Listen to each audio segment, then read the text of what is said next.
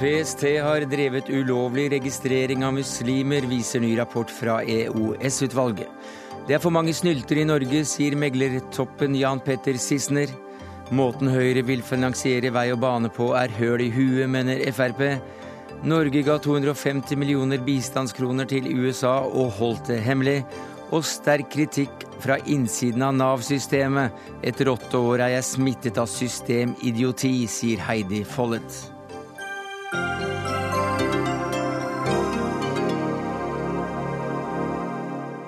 Ja, Det er noen av sakene i Dagsnytt 18 denne onsdagen, der vi også vurderer sjansene for at Italia faktisk får en uh, ny regjering med det første. Og vi får høre at Amnesty i en ny rapport hevder at Putin driver heksejakt på det russiske sivilsamfunnet. Og kanskje kommer landets ambassadør. Men vi starter med norsk overvåking. For personer fra to muslimske miljøer har blitt registrert ulovlig av Politiets sikkerhetstjeneste, PST. Det skriver dere i en rapport, leder for Stortingets kontrollutvalg for etterretning, overvåkning og sikkerhetstjeneste, som heldigvis er forkortet til EOS. Elbjørg Løver, hva bygger dere dette på? Dette bygger vi på en ganske grundig gjennomgang av de registreringer som PST har gjort i disse to muslimske miljøene over en tiårsperiode. Ulovlig registrering? Ikke bare. Vi, at, vi, kontrollerer de hemmelige tjenestene stort sett ved å ta stikkprøver. Og da finner vi etter hvert en type mønster som gjør at vi vil se nærmere på en større problemstilling. Og det er det vi har gjort eh, i denne særmeldingen som vi legger fram for, eh, for Stortinget, som oppdragsgiveren vår. Og da viser det seg at PST har hatt en litt romslig praksis for registrering av sentrale personer i disse miljøene. Noen er selvfølgelig begrunna godt nok til at de skal registreres og følges med på. Men så er det også en del personer som ikke har fått den tilstrekkelige kvalitetssikringen før de er blitt ført inn i registrene. Ja, Litt romslig praksis? Ja. Eh, det skal ikke registreres personer i Norge kun på bakgrunn av at de har en tro. At de har en politisk oppfatning. Eller, det, det, er helt klart i paragraf 15. I, ja, og det er blitt gjort. Og det kritiserer vi, og det med rette. Ja, for dere skriver jo ellers at uh, i utgangspunktet så har PST hatt grunnlag for overvåking. Ja, vi, vi, kritiserer ikke PST for at de følger med på disse miljøene. Men... Noen sentrale personer i disse miljøene. Det er helt mm. legitimt for PST å gjøre. Det er derfor vi har hemmelige tjenester. De skal jobbe i forebygge terror. Men det er også da andre personer knyttet til disse miljøene som uh, Også har kommet inn. Er blitt overvåket, ja. registrert ja, på er... religiøst grunnlag. Ja, det skal ikke bare på registrert på grunnlag av at de har en tro, men det skal være en antydning til at det i tillegg kommer noe som kan bidra til at det kan føre til voldelige handlinger. Og så vidt dere erfarer, så, ikke så finnes ikke slik dokumentasjon? Ikke for alle. Og de som er registrert på en eh, gærent grunnlag, men i registrene, de kan vi kontrollere. Men det finnes også personer som er registrert utenfor registrene. Aha. Og de blir da liggende i systemet uten at de får en revurdering etter fem år. Og det vet dere at uh, eksisterer? Ja. I andre uh, registre? Ja, i, i, i, i, registrering i disse to miljøene som ja. vi nå har uh, gått igjennom. Hvilke, altså er det vanlig å komme med, med, med en slik eh, ekstrarapport? Nei, det er ikke vanlig. Men, men, jeg tror det kommer til å bli en framtidig arbeidsform for EOS-utvalget. Fordi dette er noe vi gjør av eget tiltak, fordi vi ser at det er nødvendig av og til å ikke bare ha stikkprøvekontroller, men å faktisk beskrive en problemstilling som er breiere enn en enkeltsak. Dagens rapport, eh, hvor alvorlig er denne kritikken? Ja, den er, eh, den er, på sin plass. Og ettersom PST selv har gjort den samme registreringen for å forbedre seg på dette området, så viser det jo også at det har en bevisstgjørende effekt og en oppdragende effekt på PSTs framtidige registreringer. Ja, hvilke, hvilke, konklusjoner bør PST trekke av, av rapporten deres? Nei, de tar vår kritikk til etterretning, og så har de tatt grep for å forbedre sine egne rutiner både på på registreringsmåte og på opplæring og på ledelse. Kan du si noe om omfanget av denne ulovlige registreringen? Jeg kan ikke si et tall nå, fordi neste runde i dette prosjektet er at alle registreringer som vi har påpekt er ulovlige, skal slettes. Over fem personer, mindre enn 20? Nei, det er over 20. Over 20 personer. Ja, men vi må komme tilbake til tallet når slettingen er gjort. PST hadde ikke anledning til å komme hit til Dagsnytt 18 i dag, men eh, det hadde du, Elbjørg Løver, leder for EOS-utvalget. Takk skal du ha. Hør Dagsnytt 18 når du vil, på nettradio eller som podkast. nrk.no – dagsnytt 18. Hvordan kan du hevde at snillismen er i ferd med å kvele landet vårt? Jan Petter Sissener, du er daglig leder i Sissener AS og skriver dette i NA24. Det var nok en, altså Overskriften var vel kanskje litt tabloid, men ja, Du skriver det, også at det er for mange snyltere i Norge, så da Egentlig så er vi snyltere alle sammen. Mm -hmm. Vi tar og Det kommer ikke så godt inn Du kommer ikke så særlig inn på det i artikkelen din, så la oss holde oss til det du har skrevet. Altså, Du skriver at det er for mange snyltere i Norge. Hvem er disse snylterne? Vi har 420 000, litt i overkant av 420 000 som er på enten uføretrygd eller på sosialt stønad. 420 000 og ses i prosent, da er det 2,6 millioner eh, som arbeidssyke nå der. Det er altså 16-17% Det regnestykket går ikke i hop over tid, sammen med de andre kan du si, sosiale stønader, pensjoner og alt videre. Og det vi da gjør, er at vi bruker opp fremtidige generasjoners penger. Hvem er snylterne? Det er oss alle sammen, egentlig. Men eh, det er jo veldig mange som utnytter systemet. Uten at jeg kan peke på at det er han eller han, så er det mange som utnytter systemet. Så jeg skal sitte og føle meg skyldig for at uh... Nei, ikke du, men politikerne kan føle seg litt skyldige. Fordi de legger til rette for at vi bruker for mye penger på dette. Audun Lysbakken, leder av Sosialistisk Venstreparti, hva sier du til det? Jeg blir litt lei meg, jeg, eh, egentlig, når uh, enda en gang en av Norges mest privilegerte mennesker uh, går til angrep på en del av de som har det vanskeligst i Norge. Jeg uh, sa for en tid tilbake at overklassen i Norge har blitt den nye sutreklassen. De som oftest sier at Norge er et fælt sted med store problemer. Jeg syns vel at Sissener illustrerer mitt poeng på en ganske god måte. Fortellingen om det moderne Norge er jo en fantastisk framgangshistorie om et land med evne til å skape verdier, nettopp fordi vi har satset på sikkerhetsnett og satset på mm. utjevning. Og så er det også sånn at Sissener underbygger sine påstander om snyltere og latsabber om at det er så lett å være hjemme, med en rekke påstander som er feil. Men jeg sa dette med sutring først, Sissener. Ja, jeg vil si at jeg sutrer ikke, jeg bare prøver å poengtere at vi lever over evne. Og eh, Siden du er der, Lysbakken, jeg tittet litt i ditt partiprogram i dag, og der står det at SV mener vi er tjent med å betale det det koster å bevare velferdsstaten. Er det ingen grense? I dag er det altså 16 av si, arbeidsstyrken som er på trygd. Det, er det en grense på 16, eller er det en grense på 20, eller er det 25? Hvor går grensen på hvor mange som eh, skal kunne leve av trygd og velferd? Men jeg aksepterer ikke premisset om at velferdsstaten er ulønnsom. Velferdsstaten er lønnsom. Sikkerhetsnettene gjør at folk tør å satse. De gjør at mange som ellers ville stått varig utenfor arbeidslivet, får en sjanse til å komme tilbake. Det er en viktig grunn til at vi er rike i Norge. Det er sånn at Vi må skape for å dele, men vi må faktisk også dele for å skape. Eh, og, da, og så tegner du et bilde av Norge som er feil. Når en leser din artikkel, ser på intervjuet med deg i Nettavisen, så skapes det jo et inntrykk av at det blir stadig færre som jobber, at det blir stadig flere som står utenfor arbeidslivet, stadig flere på uføretrygd. Men sannheten altså er at de siste årene så har andelen av befolkningen som er på uføretrygd, gått ned. Vi har nedgang i sykefraværet. Vi har nedgang i antall syke hvis vi korrigerer fordi at vi har blitt flere og eldre i befolkningen. Det er poenger som ikke kommer så klart fram i, i, uh, din blogg. Eh, så vidt jeg, Nå kan ikke jeg dokumentere, men jeg baserer meg på den informasjonen jeg får via pressen. Det jeg sier når det gjelder sykefravær, er at vi i Norge har vesentlig høyere sykefravær enn i Sverige. I Norge er det på 6,6% i Sverige er det på 3 Og jeg tror ikke noe på at svenskene er så mye friskere enn det vi er, eller lever så mye sunnere, eller gjør andre ting. Ja, Du skriver også at det er for lettvint å være hjemme og motta uføretrygd enn å gå på jobb? Ja, det sier jeg også. Jeg ser at vi, det ble brukt et eksempel i en vis her om dagen om, en fembar, om fembarnsfamilier i Bergen kommune som mottar ytelser motsvarende 800 000 kroner i året. Det var et sitat fra Bergens Tidende fra sosialsjefen i Bergen. Lysbakken. Jeg skulle ønske at de rikeste menneskene i Norge ikke gjorde de fattigste menneskene i Norge til problemet. For det er ikke eh, det at vi er for snille med de som har det verst i Norge som er problemet. Kanskje burde vi istedenfor heller sett på hvordan noen av de som beriker seg aller mest i Norge, har det, og kanskje de kunne delt litt mer med fellesskapet. Det som er viktig imidlertid, selv meg og Sissener sikkert er uenige om politikk, er at vi forholder oss til fakta.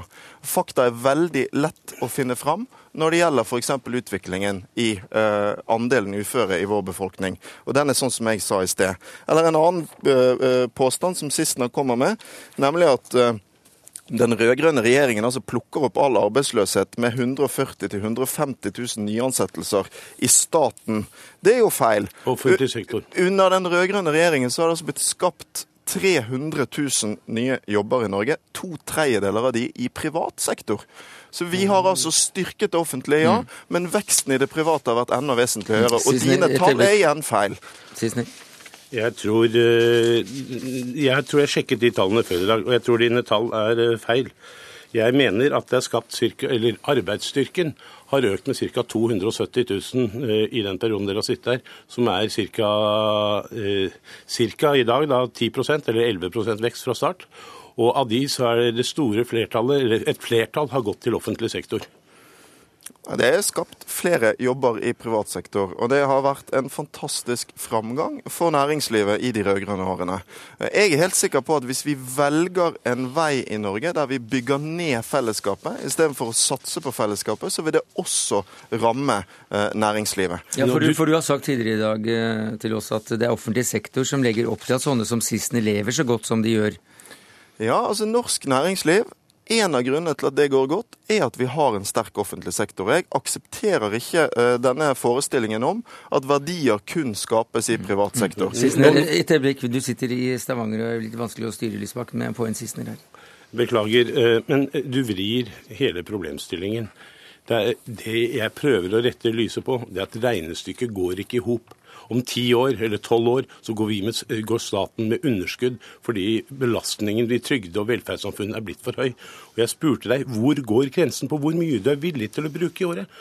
Og istedenfor, Jeg mener å huske at venstresiden i norsk politikk de har uh, hatt uh, som motto at det skal være arbeid for alle. Kunne du ikke heller vri på den og si la oss få alle i arbeid?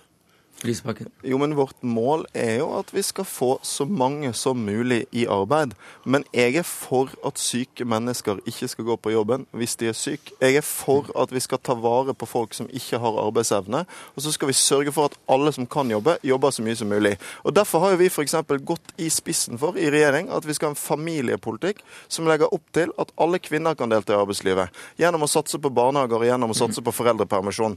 Det har jeg fått utrolig mye kjeft av fra mange konservative konservative menn i Norge. Men sannheten er jo at ingenting vil bidra så mye til framtidig arbeidsinnsats og verdiskaping i Norge. Jan sånn at... Petter Sissener, eh, å bli, eh, bli karakterisert som en sutrer, hva syns du om det? Det er jeg vant til å høre fra Lysbakken. Ja. Jeg har aldri sutret. Jeg klager ikke på hva jeg selv bidrar med. Jeg tjener null kroner og betaler masse penger i skatt. Så jeg skal, skal ikke si jeg sutrer. Jeg bare prøver å reise oppmerksomheten på vi er 420 000 som mottar trygd. Det koster er borti 60% av statens samlede utgifter, vet, inklusive pensjoner. Da. Og det er for mye. Det er ikke bærekraftig. Vi blir eldre. Denne regningen stiger. Den steg med 7 eh, de siste årene. Den stiger og stiger og stiger. og Vi har rett og slett ikke råd til det. Og da mener jeg at kanskje vi skal lave terskelen litt høyere mellom det å være eh, trygdemottaker og det å jobbe, at det virkelig lønte seg å jobbe. Man må stimulere folk mm. tilbake mm. kort, i arbeidslivet. Kort til det, Lysbakken. Jeg mener for det første at vi må være ærlige om utviklingen i Norge, og den er altså ikke sånn. Mm. At det, det blir stadig flere mm. uføre. Og så mener jeg at vi må være tydelig overfor de menneskene som av ulike gode grunner står utenfor arbeidslivet, at de er ikke snyltere av den grunn. Jeg er helt åpen for at uh, Sissener kan ha gode poenger, jeg har gode poenger, vi er uenige. Men vi må behandle folk med respekt. Og jeg syns at å kalle noen av de mest utsatte menneskene i Norge for snyltere ikke hører hjemme noe. Takk skal du ha, Audun Lysbakken, leder av Sosialistisk Venstreparti. Takk til deg, Jan Petter Sissener, sjef i Sissener AS.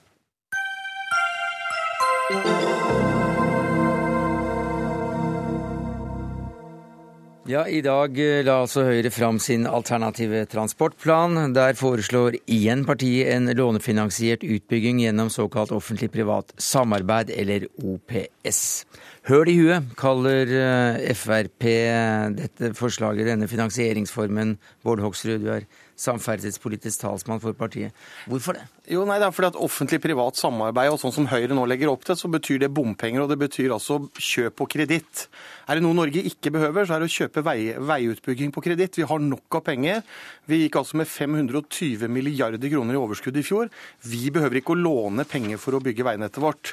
Offentlig-privat samarbeid med som utbyggingsmåte er en god måte, fordi da kan det skje fort og effektivt, men ikke som en finansieringsordning. og Nå fikk vi også se det i dag, at vi betaler mer i rente på de OPS-prosjektene vi allerede har i Norge i dag, enn det vi gjør på den måten som regjeringa gjør på det. Men både den måten Høyre nå ønsker å gjøre det på, og den måten regjeringa ønsker å gjøre det på, det betyr en kraftig ekstraskatt på norske bilister. Og um, Arbeiderpartiet er her ikke, regjeringen er her ikke, men det er du, Øyvind Halleraker, samferdselspolitisk talsmann for Høyre. Hvorfor i all verden må vi låne da, når vi har så god råd? Ja, Det er en eh, litt feil virkelighetsbeskrivelse, for vi skal ikke låne disse pengene. Det er jo de OPS-selskapene som bygger, som finansierer seg opp. og det de, eh, Har de en sterk eh, kapitalbase, så er det ikke sikkert at de låner alt dette, men da vil de ha en avkastning til sin egenkapital. Og Det er også slik at vi kan gradere hvor mye som skal være finansiert opp front i et OPS-prosjekt. Opp front i et Du må nesten snakke Det er altså at man, man har eh, budsjettmidler i starten, da. Eh, det som kjennetegner, eh, som kjennetegner OPS-prosjektene vi har gjort i Norge, så har vi altså betalt de ned, eller holder på å betale de ned, på 25 år. Men da betaler vi ikke bare for investeringen, da betaler vi også for vedlikeholdet. Og vi betaler for at vi ikke har noe risiko i forhold til overskridelser. Og det er vel alt i orden, eh, Hoksrud? Nei, det er ikke fullt så enkelt. fordi man må jo se hva er det faktisk Høyre foreslår å bevilge ekstra penger på samferdselsbudsjettet på Nasjonal transportplan de ti neste åra. Og da foreslår Høyre til veibevilgninger 20 milliarder kroner over en tiårsperiode. Det er 2 milliarder kroner i året. Og så sier de at de ønsker å sette i gang 17 offentlig-private samarbeidsprosjekter. Blant annet ett av, bare ett av prosjektene, som er, altså fra Telemark til Aust-Agder, koster et sted mellom 15 og 20 milliarder bare å bygge, og så må man betale renteutgiftene på toppen av det. Og Da viser jo dette med all tydelighet at Høyre syns det er greit å flå bilistene med ekstraskatt gjennom bompenger. Og så vidt jeg kan erindre i den NTP-forslaget som Høyre nå kom med, så har de altså godtatt alle de 98, eller 97,5 milliardene som regjeringa har lagt inn som de skal bompengefinansiere. Dette er jo helt galt, eh, programleder. Eh, OPS handler altså ikke om bompenger. OPS handler om å kjøpe en vare, et prosjekt, som altså blir betalt eh, over Kjøpe statsbudsjettet. På, kjøpe, kjøpe på krita. Ja, sånn som så du f.eks. bygger ditt hus, du låner opp fordi at du gjerne vil nyte å bo der i, ja. i 30-40 år. Ja. Eh, og det er eh, helt uavhengig om man velger å ha bompenger mm. i det men, ja, men, prosjektet. Men, men hvis du har penger i dag, hvis du har penger og du skal kjøpe deg en TV, så går du ikke og låner den på dyr kredittavbetaling. Da betaler du ut de pengene med en gang, og så har du betalt det. Og så slipper man en stor ekstraregning som det Høyre ønsker å påføre norske bilister. Mm. For det er konsekvensen av OPS-finansieringa til Høyre. Godt eksempel. Fordi at eh, Jeg tror også de fleste kjøper TV-en sin kontant, men de aller færreste kjøper huset sitt kontant. Fordi at de, de, ser det at eh, jeg kan få meg et større og bedre hus som familien min kan ha glede av i 30-40 år, hvis jeg finansierer det med lån. Mm. Og så ser de det som en del av kostnaden ved å få det mm. bedre. Og Det er akkurat det samfunnet også trenger med veibygging. Ja, men Samfunnet trenger mer veibygging, men vi har 4000 milliarder kroner på et oljefond. Vi gikk med 520 milliarder kroner i overskudd i 2012. Vi låner pengene våre bort til danske og tyske staten som bygger veier til lave renter, og så låner bompengeselskapene opp til både 3-5-6% i Norge. Det er jo tullball og misbruk av innbyggernes penger.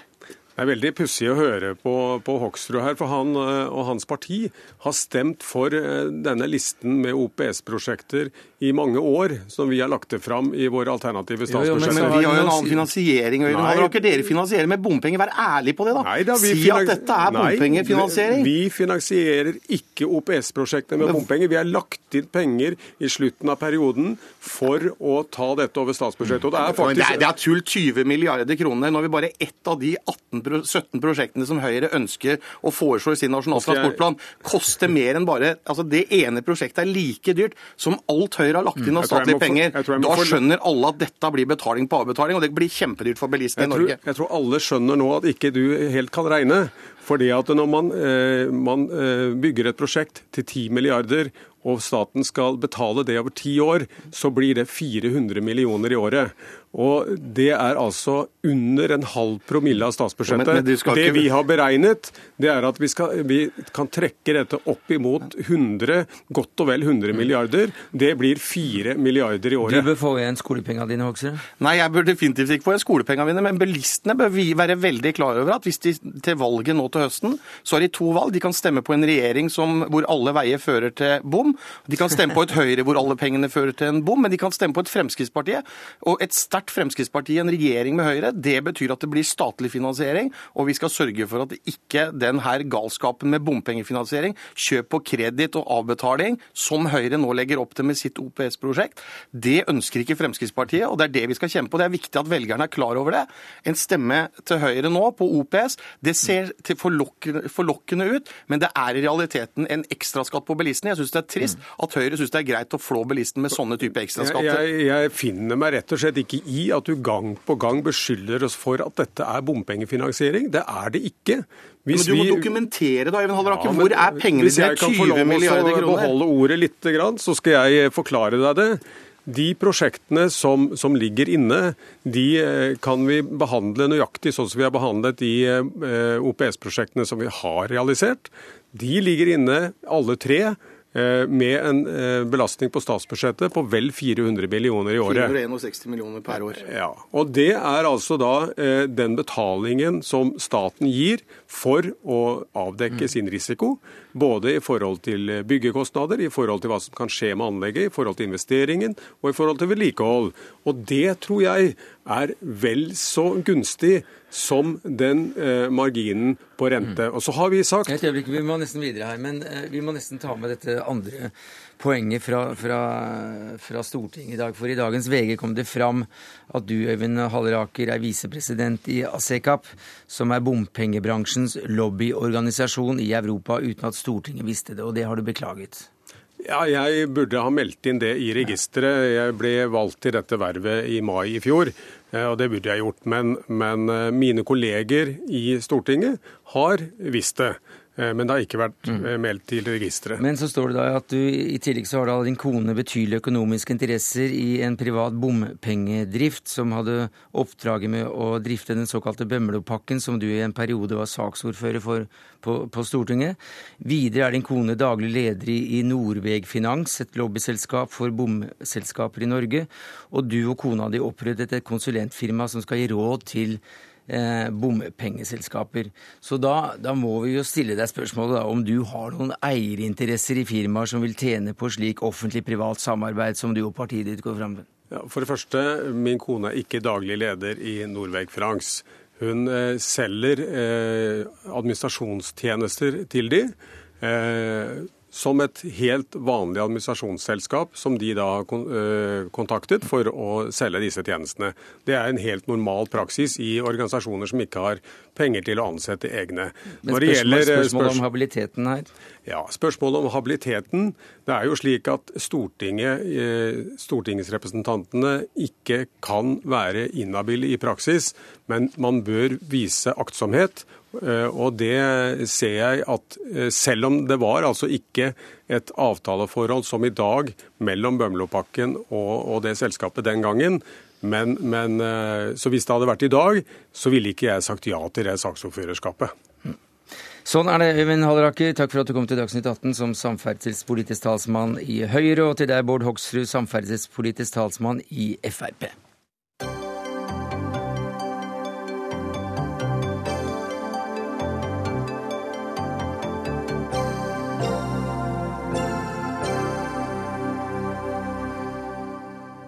Ja, Norge ga i 2011 250 millioner eh, bistandspenger til 40 eh, Det var feil sak. Nå har jeg fått inn Dette er en sak som vi skal spare til Heikki Holmås. For du skal få slippe å, svare på denne pengebruken der, Jon Peder Egenes.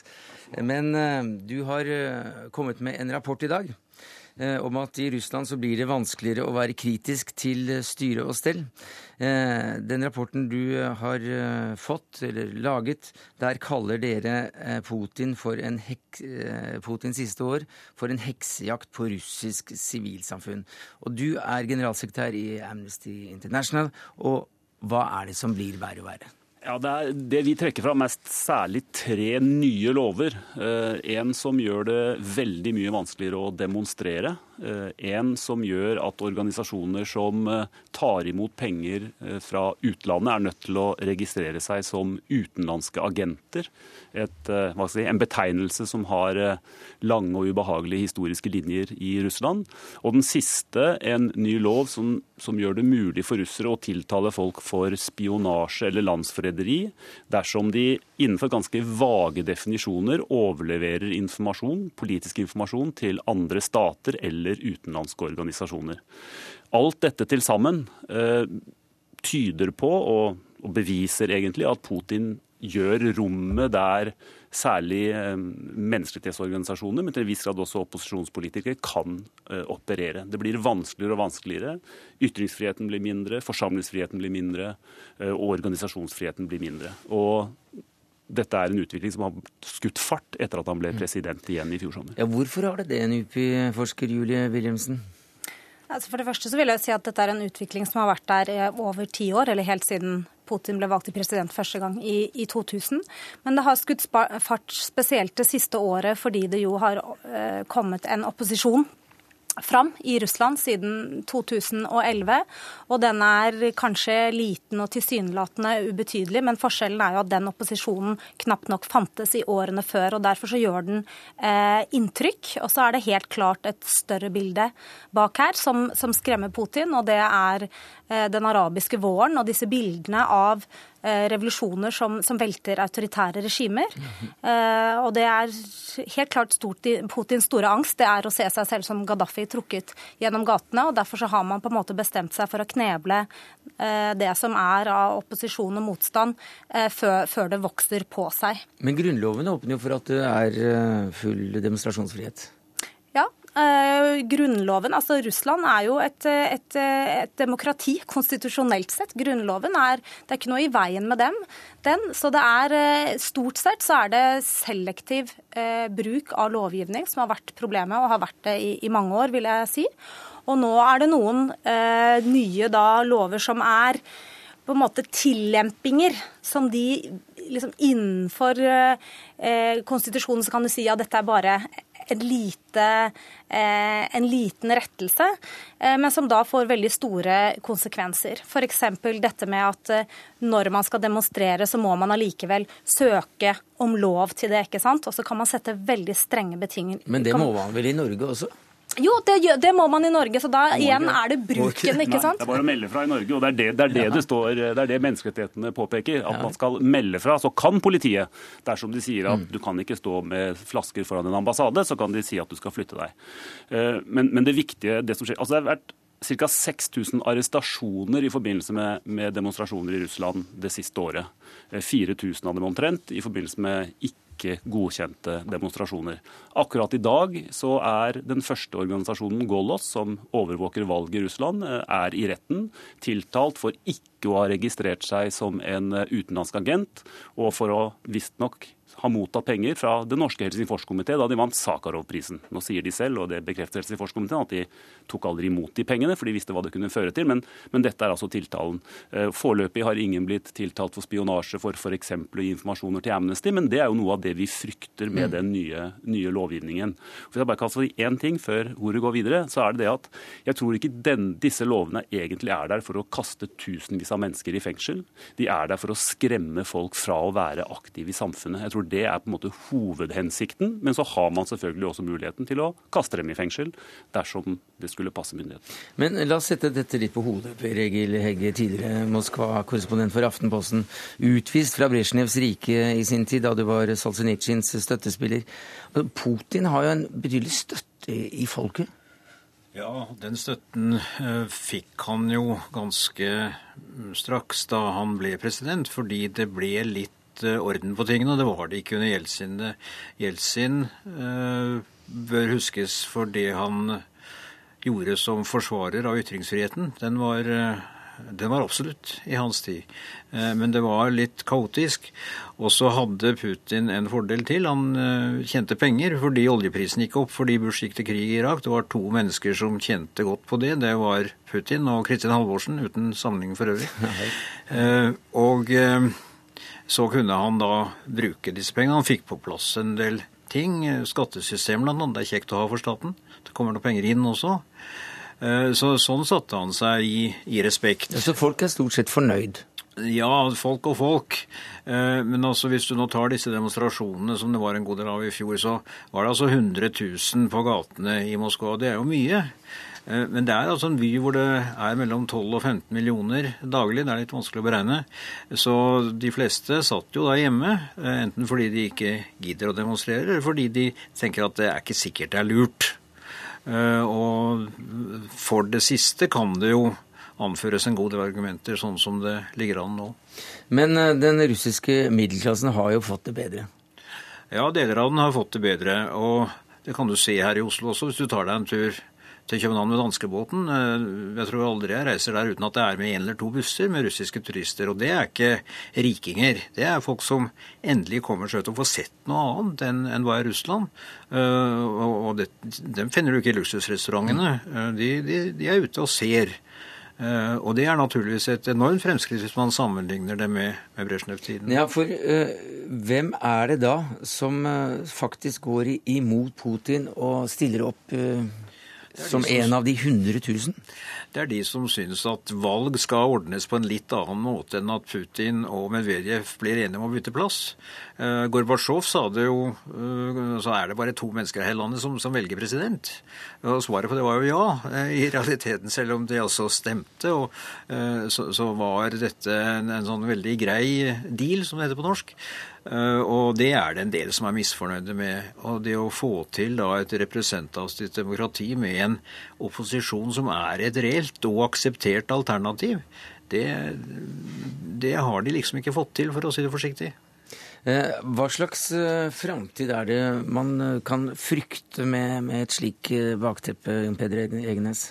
Ja, det er sikkert to personer her som kan, kan, si mer om det enn meg. Det er dere som, som har kommet med rapporter om det. Men, men, det er klart at det vi ser for oss, er nettopp det at dette gryende sivilsamfunnet som, eh, som, vokser i Russland, som har noen veldig veldig sterke aktører, som Memorial, som Golos osv., at de nå skal strupes helt. Og at det også vil føre til at den politiske opposisjonen, som til tross for at den finnes, vi må på en måte ikke komme dit hen at hvis du har flertallet med deg og klarer å løfte opp middelklassen, så kan du gjøre hva du vil med, med mindre mindretallet og de annerledes tenkende.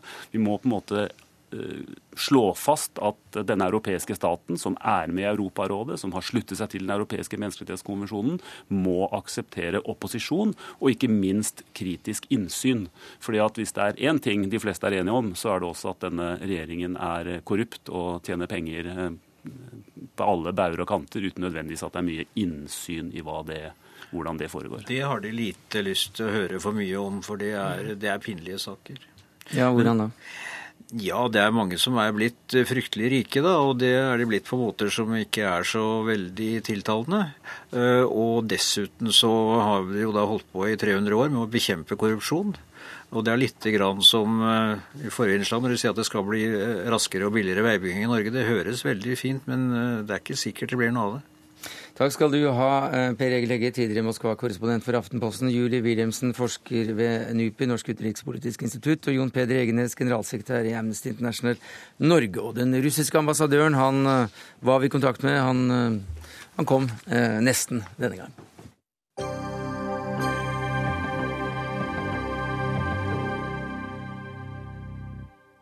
Norge ga i 2011 250 millioner kroner eh, som bistandspenger til 40 ulike organisasjoner og tenketanker i USA.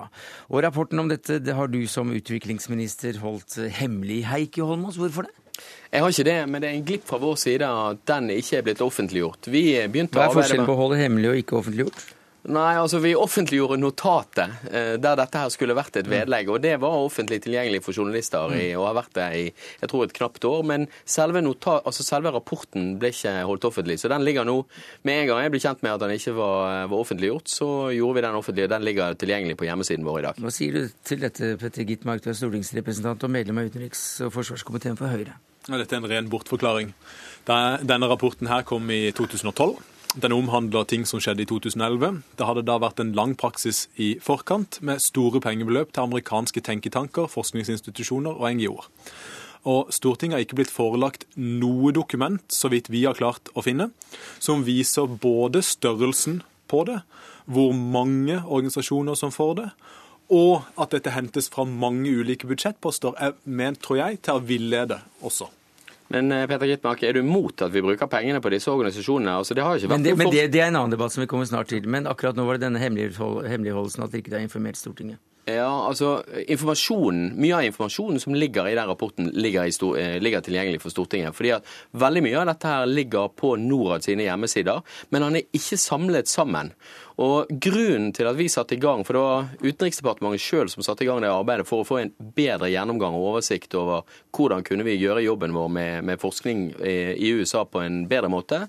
Eh, og Den rapporten eh, den, eh, den, ble ikke offentliggjort, men er nå offentliggjort. Og Det var en glipp, fordi at vårt prinsipp i alle sånne saker det er at rapporter som handler om evaluering av norsk mm. bistand, skal offentliggjøres. Ja, og Det er jo påfallende at det skjer i dag. I dag hadde Aftenposten en dobbeltside om saken. Jeg fanget dette opp Eh, basert på et rykte for et år siden, og brukte lang tid for å grave frem informasjon om det. Det ble til en sak nå som, da medier, eller som Heikki Holmås kommer til å bruke for å offentliggjøre dokumentet. Det burde skjedd for lenge siden. Men... Vi burde bare ha det prinsippet at alle denne type eh, rapporter skal offentliggjøres uansett. Det var ingen grunn det, at du skulle vente på det. Det er det Holmås sier, at det prinsippet, det, det, det har kontinuerlig. Jeg er helt sant, og jeg er helt sikker på at Hvis Peter Gitmar hadde kontaktet meg og bedt om dette, hvis dette var et rykte han hadde hørt om i et år, så ville han umiddelbart så ville jeg grepet fatt i det og umiddelbart offentliggjort den rapporten. Fordi at Den inneholder ingenting Nei. som vi ikke kan stå for. Tvert imot så handler den om at vi så et behov for å organisere arbeidet vårt på en bedre måte. Mm. Og det har vi altså ja. gjort nå, med å, og det kommer vi tilbake til Men, litt senere i debatten. La, la det fare for, Gitmark, du er også kritisk til disse 250 millioner kronene, og at de er brukt slik de er brukt i USA. Ja, absolutt. Eh, og det handler både om størrelsen. Altså 250 millioner kroner er ekstremt mye penger, og dette er årlig. Og det er ment til, som rapporten også legger til grunn, å bidra til forskning, noe som jeg mener er positivt, men det også bidra til å kjøpe seg innflytelse. Det kommer veldig klart frem av rapporten at dette gir oss bedre tilgang til mennesker knyttet til de ulike forskningsmiljøene i USA, og at med det så kan vi også til dels kjøpe oss access i den amerikanske kongressen. Det burde vi gjøre nærmest gratis ved nær kontakt på politisk nivå med Kongressen, med eh, mennesker knyttet til beslutningsmyndigheter i USA. Det bruker vi i mindre grad, for SV er redd for synligheten av nær USA-kontakt. Ja, det, det Peter Gidmark sier, det er ingen rot i virkeligheten. Fordi at Vi syns tvert imot at det er viktig å ha god kontakt med amerikanerne. fordi at vi ser at veldig mye av det eh, som vi kan oppnå gjennom å reise politiske debatter i USA, spiller inn på hvordan, eh, hvordan amerikanerne oppfører seg. Men 250 millioner kroner er altså prisen dere betaler for å få mer innflytelse i amerikansk politikk? Nei, det vi gjør er at mer enn halvparten av de pengene 128 millioner, det går til utviklingsland. Det går til prosjekter bl.a. i utviklingsland. Noe av de pengene for eksempel, har helt konkret gått til arbeid gjennom amerikanske organisasjoner, men til f.eks. Nigeria, der, har, der, organisasjoner har gjort en jobb for å mm. begrense diaré. Det er vel alt i orden etter blitt Gitmark? Ja, det, er, er viktig at det forskes. Det er viktig at Norge er en bidragsyter til forskningen. Jeg er kritisk til at alt kanaliseres gjennom amerikanske organisasjoner. Jeg er veldig kritisk til hemmeligholdet. Men også det faktum av at um, Audun Lysbakken sa på SVs landsmøte at vi skal nå føre en mer antiamerikansk eh, holdning eller eh, politikk og basere oss på et mer kritisk forhold til USA. Dette er noe som bygger opp under det jeg sier, med at SV ønsker i mindre grad den konstruktive, gode tonen med vår nærmeste allierte. Og må heller kjøpe seg innflytelse enn å bruke den politiske kraften som skal til for å gjøre det. Men altså, Vi har jo en kritisk holdning til alle land og alle våre allierte, i motsetning til Høyre, som har en fullstendig ukritisk holdning til amerikansk, amerikansk politikk under Bush. Men det er ikke det vi snakker om nå. Det vi snakker om nå, er jo hvordan kan vi sette viktige saker på dagsordenen. Det handler om det ene. Vi f.eks. har bidratt til forskningsrapporter som ser på hvordan kan vi sikre mer åpenhet, kamp mot kapitalflyt eh, og skatteparadiser. Bidrar til å sette viktige politiske spørsmål på dagsordenen, som nå er på toppen av den politiske dagsordenen. Er ikke det, det andre... er ikke det legitimt? Jo, det er fullt ut legitimt, men jeg stiller spørsmålet også med de 40 organisasjonene. Vi har totalt gitt penger til i hvert fall 45 organisasjoner som vi har identifisert. Av de 40 for 2011 så er 10 knyttet til dette såkalte Redd pluss-programmet. Det er for bevaring av skog. Å bruke penger og spre det ut på ti organisasjoner, ja det gjør det vanskelig å evaluere effekten av det. Og ikke minst så får du problemer knyttet til alle den forskningsrapporten som da eh, politikere og andre skal lære av i etterkant. Og vi har jo egne forskere som er ute ute i dag og sier at vi har svært små læringseffekter av det. Japan evaluerte sin um, kjøp av internasjonal forskning, og de kom frem til at effekten var negativ. Mm. Hvis vi nå legger til grunn at effekten er positiv, noe jeg tror den kan være hvis den gjøres riktig, ja, men mm. da må vi ha færre organisasjoner uh, og forskningsinstitusjoner vi gir penger til. Og vi må også kunne bruke norsk forskning i større grad. For Heikki Holmås gjennom kjøpet her undergraver jo også den viktige forskningen Norge gjør, nettopp fordi at den ses ikke. Men det er jeg veldig uenig i. Eh, fordi at det er helt klart at det å bidra til forskning gjennom amerikanske institusjoner, som altså har noen av de beste forskningsinstitusjonene på en rekke områder i verden, det bidrar til å forbedre utviklingspolitikk. Og jeg synes det er litt rart, fordi er det én ting vi er opptatt av med utviklingspolitikken vår, så er det at den skal være basert på fakta, og den skal være basert på modeller som funker. Og da er det å bruke penger på forskning viktig. Så er det en ting som, eh, som den rapporten vi allerede har fulgt opp fra den rapporten. For den rapporten sier ganske riktig at vi burde konsentrere oss mer og kanskje hatt færre forskningsinstitusjoner være mer systematiske på hvordan vi bestiller, og mer systematiske på hvordan vi følger opp rapportene i ettertid. Og Derfor har vi ansatt en fagdirektør som har ansvaret for koordineringen av forskningen, som er en direkte oppfølging fra en anbefaling av rapporten. Men Så rapporten var bra. Vi har fulgt den opp. Vi har ikke forsøkt å hemmeligholde den. Tvert imot, vi ønsker en debatt om hvordan vi kan få en best mulig politikk. Men den har i hvert fall ikke vært offentliggjort uh, slik den eh, burde, og det har du jo innrømmet også her, da. Sant. Sånn at uh, det blir jo interessant å se hva denne tenketanken kommer eh, med virkemidler når det gjelder hemmeligholdelse, hvordan unngå hemmeligholdelse i tredje verdensland. Vet du hva, jeg skal si det, det at uh, Vår regjering er den regjeringen som har gjort mest for å skape mer åpenhet i utviklingspolitikken. Vi har, nei, men vet du hva, det er altså sånn at Vi har lagt en åpenhetspolitikk i forhold til korrupsjon, f.eks., mm. som tidligere uh, borgerlige regjeringer, høyresideregjeringer, aldri har gjort. Fra 2007 offentliggjør vi alle Nå er dette riktig, det, og det viktig å påpeke. Det skal regjeringen ha kreditt for. Men dette er jo et mønster ved at vi sprer eh, norsk bistand altfor tynt. 40 mm. organisasjoner er altfor mange, det kommer klart frem av rapporten. Akkurat samme som 110 land er det. Det går tilbake til Erik Solheims sitat fra et par år tilbake, hvor han sier at vi har så mye penger, og dermed så trenger vi ikke å prioritere. Takk skal du ha, Petter Gitmark. Der fikk vi Erik eh, Solheim inn. Han er ikke her i dag, men det var du, Heikki Holmås, som utviklingsminister. Takk skal du ha. Takk, Takk til Petter Gitmark.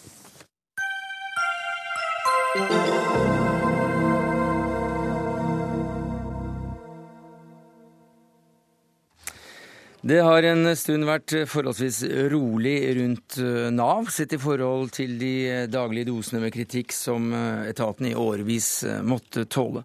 Men i dag kommer du med vitnesbyrd på NRK Ytring under overskriften 'Dumskapens system', Heidi Follet.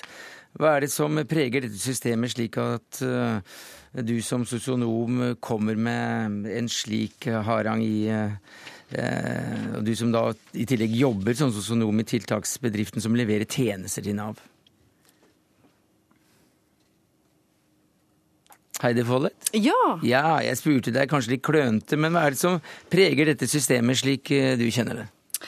Eh, systemet preges av veldig mye bra arbeid. Det er veldig mye dyktige fagfolk, og det er mye bra som blir gjort. Men jeg har også erfaringer på at det er en skyggeside. Det er tilfeller som har blitt litt annerledes enn det jeg egentlig hadde forventa når jeg gikk ut i yrkeslivet som sosionom for åtte år siden. Jeg har erfart at systemet ikke alltid jobber med folk, eh, men at eh, vi rett og slett noen ganger blir, eh, ja, kan oppleves som en merbelastning, rett og slett. Systemidioti, kaller du det. ja. Hva er det? Nei, altså det handler om Det er jo veldig sammensatt og veldig stort og litt sånn diffuse, uangripelige mekanismer. Eh, men jeg opplev, har opplevd at det er en del ting som vi ikke skal snakke om. Eh, og det går særlig på det å innrømme at systemet ikke er godt nok. Eh, og at systemet ikke alltid fungerer etter det som var intensjonen. Mm. Vi gjør ikke det som tjener deg, men trykker heller på en løsning for å nå et måltall. Ja, eh, med det så mener jeg at det er, det er et veldig stort fokus på kvantitet framfor kvalitet. Eh, vi, det telles eh, og det måles. Vi må ha en rask avklaring.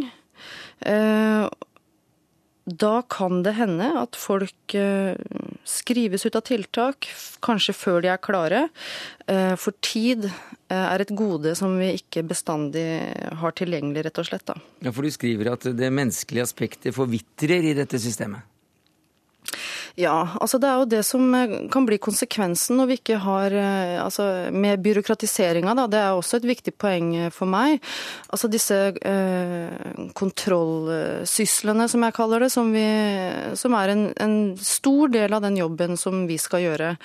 Eh, og det er jo klart at det bidrar til å skape en avstand eh, til de menneskene som vi heller kanskje kunne brukt tida på å, å bli bedre kjent med, og finne ut hva som egentlig er, er utgangspunktet og behovet, da. Og når du som nyansatt spaserer inn i en halvkommunal bedrift, kan lukten av den klamme eimen av fryktkultur komme mot deg? ja. Hva slags fryktkultur er det du beskriver? Eh, igjen da, så er det her med fryktkultur det er jo noe som er, det er litt vanskelig å, å egentlig sette ord på det. Og det tar litt tid. Eh, I hvert fall gjorde det for meg eh, etter jeg begynte å jobbe i, systemet, som jeg kaller det. da. Eh, og altså, man kjenner det lukter kål, men du kjenner ikke hvor lukta kommer fra. og sånn, sånn, er det litt, da. Det er noe som ikke stemmer. Og, og, og frykten går jo på å si ifra rett og slett. da. Frykt for å bli utstøtt. Frykt for å bli altså, sosialt degradert eller miste arbeidsoppgaver. Uh, ja, den slags type ting. Bjørn eh, Gudbjørgsrud, du er tjenestedirektør i Arbeids- og velferdsdirektoratet. altså da Nav, hva sier du til denne kritikken? Og la oss begynne med denne fryktkulturen som preger etaten din. Jeg sier jo først og fremst at jeg ikke kjenner meg helt igjen. Så blir jeg litt lei meg. Jeg syns jo det er, eh, er, litt triste meldinger. Så vidt jeg skjønner, så jobber ikke Heidi i Nav. Eh, jeg tror ikke de ansatte i Nav eh, kjenner igjen kritikken hennes. Når det er sagt, så skal vi selvsagt ta all kritikk på alvor. Men det er viktig at den er konkret og at den er tydelig. Det er klart at Når vi snakker om lukt av kål, så blir det litt vanskelig å forholde seg til kritikken på en måte som du kan gjøre noe konstruktivt eh, med det, tenker jeg. Eh, og det jeg vet, eh, for vi måler jo hvert eneste år anonymt hva de ansatte mener som jobber i Nav. Og de sier at de får motivasjon av jobben sin. De trives i økende grad på jobben sin. Eh, også brukerne sier jo at de i økende grad opplever å bli møtt med respekt, og at de får relativt god oppfølging. Det betyr ikke at det er mange utfordringer, men utfordringer er jo ting man må ta tak i og jobbe med daglig. Mm. Når det gjelder tiltaksbedrifter som Heidi jobber i, så, så samhandler jo vi med mange hundre tiltaksbedrifter hvert eneste år. Eh, og Det er en stor sum penger som, som da er utsatt for enten et anbudssystem eller forhåndsgodkjente bedrifter. Eh, bruken av de pengene eh, må man jo dokumentere på en måte. Mm, men det er vel ikke akkurat det, det som er temaet i dag, Heidi Follet. Hva sier du til, eh, til, at det nok er få i Nav-systemet som kjenner seg igjen i kritikken din?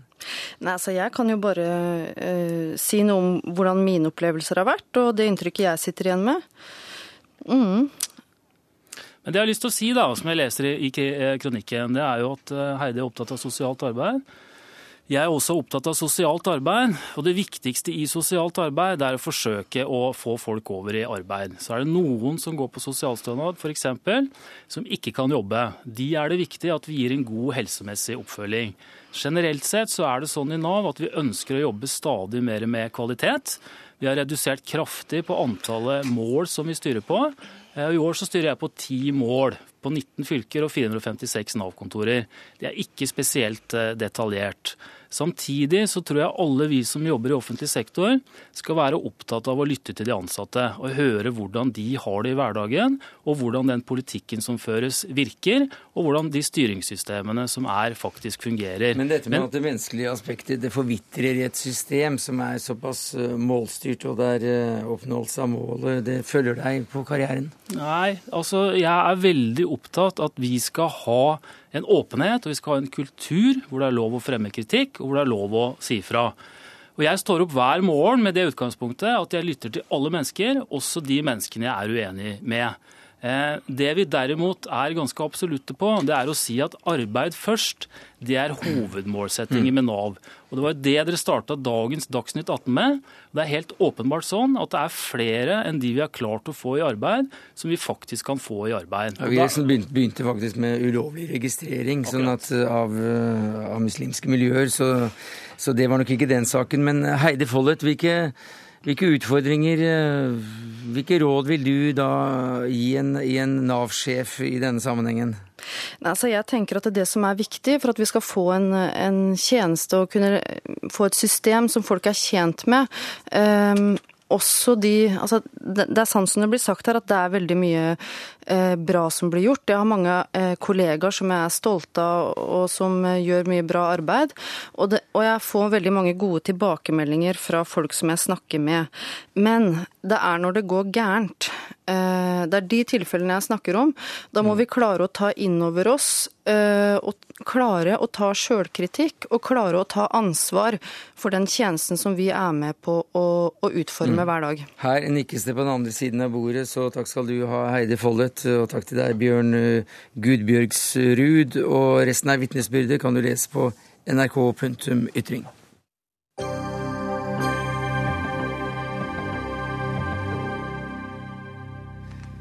Det politiske vakuumet i Italia kan, eh, kan, gå mot slutten. Lederen for Italias demokratiske parti, Enrico Letta, ble i dag bedt om å bli landets nye statsminister og danne ny regjering. Jon Rognlien, forfatter, eh, oversetter, Italia-kjenner. Det er vel aldeles strålende nyheter for et land som har vært uten regjering siden februar? Ja, altså Han har fått oppdraget, men ja. om han klarer å løse det, er jo veldig store spørsmål rundt. da. De fleste kommentatorer de sier dette blir ikke lett. Fordi en, han er avhengig av å lage en deal mellom Høyre, altså Berlusconi-gjengen, da, og sitt eget demokratiske parti, som jo egentlig er det gamle kommunistpartiet. Aha. Å få til den koalisjonen, det krever mange ja, dealer og mye sånn korridorgreier. Og sannsynligvis vil det ikke gå. De prøvde det Under presidentvalget så prøvde de å lage en sånn deal, men da sviktet Venstrepartiet. De sa nei, dette kan vi ikke gå med på. Ja, Hva sier Venstrepartiet i dag, da? Nei, de, eh, de, har egentlig ikke noe stemme lenger. fordi Du sier at han er leder av partiet, men det er jo fordi eh, Bersani, som skulle lage regjering, han trakk seg etter at de var mislykket etter presidentvalget. Så er plutselig han her som var eh, nestformann, blitt leder, men har han egentlig noen oppslutning? Han fikk 11 da det var eh, ledervalg, så han ikke, mm -hmm. står ikke så sterkt i partiet. Ja, han, har, eh, han, har, gode slektninger som kan samarbeide med Berlusconi? Ja, onkelen hans er jo en berømte, den berømte Letta, er jo onkelen til denne nye Enrico, da, Gianni Letta. Og han har vært en av de viktigste rådgiverne og samarbeidspartnerne til Berlusconi. Men om de liksom snakker sammen på familieselskaper, det, det står det ikke noe om da, foreløpig. Men hvem er da denne Enrico Letta? Han er en politiker som har vært helt siden barndommen, nesten. Han var i Kristeligdemokratene, og så har han vært med fra 90-tallet, hvor Kristeligdemokratene gikk konk, kan man si, politisk. Så har han vært innom forskjellige av disse gruppene som etter hvert plasserte seg enten til høyre eller til venstre, så han landet på venstresiden av lille, det lille vannskillet der. Men han har alltid tilhørt uh, høyresiden av venstresiden, da. I Italia så snakker man om sentrum venstre eller sentrum høyre. Det, så liksom, det er et sentrum der hvor det er veldig uklart. Folk går litt frem og tilbake. Og det er uh, lite ideologisk og mye praktisk politikk, da. Mens Berlusconi, han er på Han er på høyresiden. høyresiden. Mens, og dette partiet som nå skal uh, ha statsministeren, det er altså da sentrum venstre i dag. Ja, Tidligere kommunistene. Ja, ikke sant. Og, og, de som er ekte kommunister da, fremdeles, de hater jo dette her. Fordi, og mange også i det partiet har jo gått nå ut på gaten og brent opp eh, medlemskortet sitt og publisert sånne dødsannonser over partiet Aha. på Facebook hvor det står liksom partiet har avgått ved døden. Og mange sier jo dette er eh, selvmordet til det partiet. Men om eh, ja, men du, det er en som da sitter og, og flirer og lager uh, vitser og standup-historier ut av dette, og det er jo denne Beppe Grillo. Ja, og det er jo det store dilemmaet, fordi hvis man lager nyvalg nå, som jo mange tror må skje ganske fort, så vil jo han være den som tjener på det, for han vil da kunne si se, se hvordan disse her er. Så det er, det mulig med nyvalg ganske raskt, ja? Ja, det kan man egentlig ta når som helst, men uh, de må jo prøve seg først.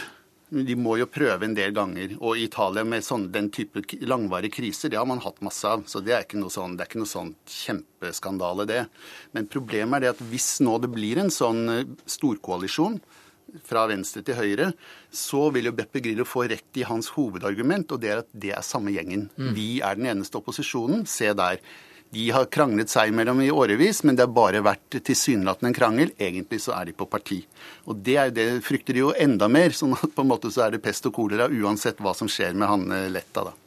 Men uh, Letta, hvis han klarer å få i gang en regjering, hva blir den regjeringens største utfordring? Ja, altså Han har ganske gode utspill. da, Han sier det viktigste er å få laget en ordentlig valgreform. fordi at eh, du har et kjempeproblem med at Senatet og parlamentet i Italia de spiller liksom ikke på samme bane.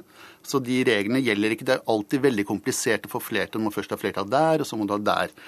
Og så er det det også at du skal ha et tillitsvotum før du kan danne regjering. Så det er umulig å få en mindretallsregjering som så fra sak til sak, slik vi har vært vant til i Norge i mange år kan navigere. Men i Italia så må du ha en blokk som har erklært tillit. Og det allerede i dag så er det kommet masse utspill da, fra høyresiden som sier at hvis vi skal gå med på det, så må du, Letta, ha full oppslutning fra ditt parti. Vi kan ikke risikere mm. at det er noen som faller ut på venstre. Men det er altså en, et forslag som skal gjøre det lettere å danne en styringskraftig regjering ja, i fremtiden? Det må skje. Alle er enige om at noe må skje der. Og så er det jo selvfølgelig noe som lett har gått inn for lenge, er jo å, å kutte ned på alle privilegiene til parlamentarikerne. Og det er jo populært. Det stemmer jo også med Grillos opposisjon. Sånn at De tingene må skje. De må gjøre noe med provinsene, kanskje fjerne hele det administrative nivået. Og det er masse store oppgaver. Justisvesenet må reformeres. Men får de det til, klarer de å få oppslutning om det, det er, eh, ja, det er kanskje ikke så mange som tror på det, da. Men Italia har jo skiftet regjering eh, oftere enn Nansen skiftet uh, undertøy ved, Nord ved Nordpolen. Det var altså. nesten aldri det. Nei, det var altså en gang i året eller noe slikt. Mm.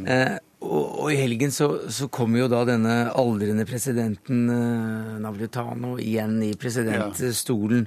87 år, valgt for fi, eh, sju nye år. Han blir også 94. Ja. Og nå med dette kaoset når det gjelder eh, Letta ja. Eh, hva sier italienerne til dette? Nei, det er det at italienere vet, Vi tenker jo på at liksom staten og oss, vi er jo på en måte på parti eller er medlemmer eller har en slags eierskap til staten. Men mange i Italia de lar, de tenker sånn ja ja, de får holde på med sitt. Og staten, ja. ikke sant, staten, de, det er en organisasjon som har sine ting på gang. og det har ikke så mye med mitt vanlige liv å gjøre. Så mange ting går sin gang mye av økonomien er jo svart og har ikke så veldig mye med staten å gjøre. Det er noe som er veldig annerledes enn som er vanskelig for oss å forstå. Da. Det er at dette, den krisen er på en måte en slags sånn pågående, evigvarende greie. Folk snakker jo ikke om at det var, at det var stabilt på 80-tallet. De snakker om det var stabilt under Mussolini eller under kongen eller eh, da paven styrte. Da var det stabilt. Ellers så er det ikke stabilt i Italia. Det er, stabilitet og Italia, det går ikke sammen. Det eneste som er sikkert, er at det er usikkert. Ja. Jon Ronlin, Rognlin Italia-kjenner, takk for at du kom til Dagsnytt 18. Og det var alt vi rakk denne onsdagen. Ansvarlig for sendinga var Dag Dørum. Det tekniske ansvaret hadde Lisbeth Sellreite. Jeg heter Sverre Tom Radøy.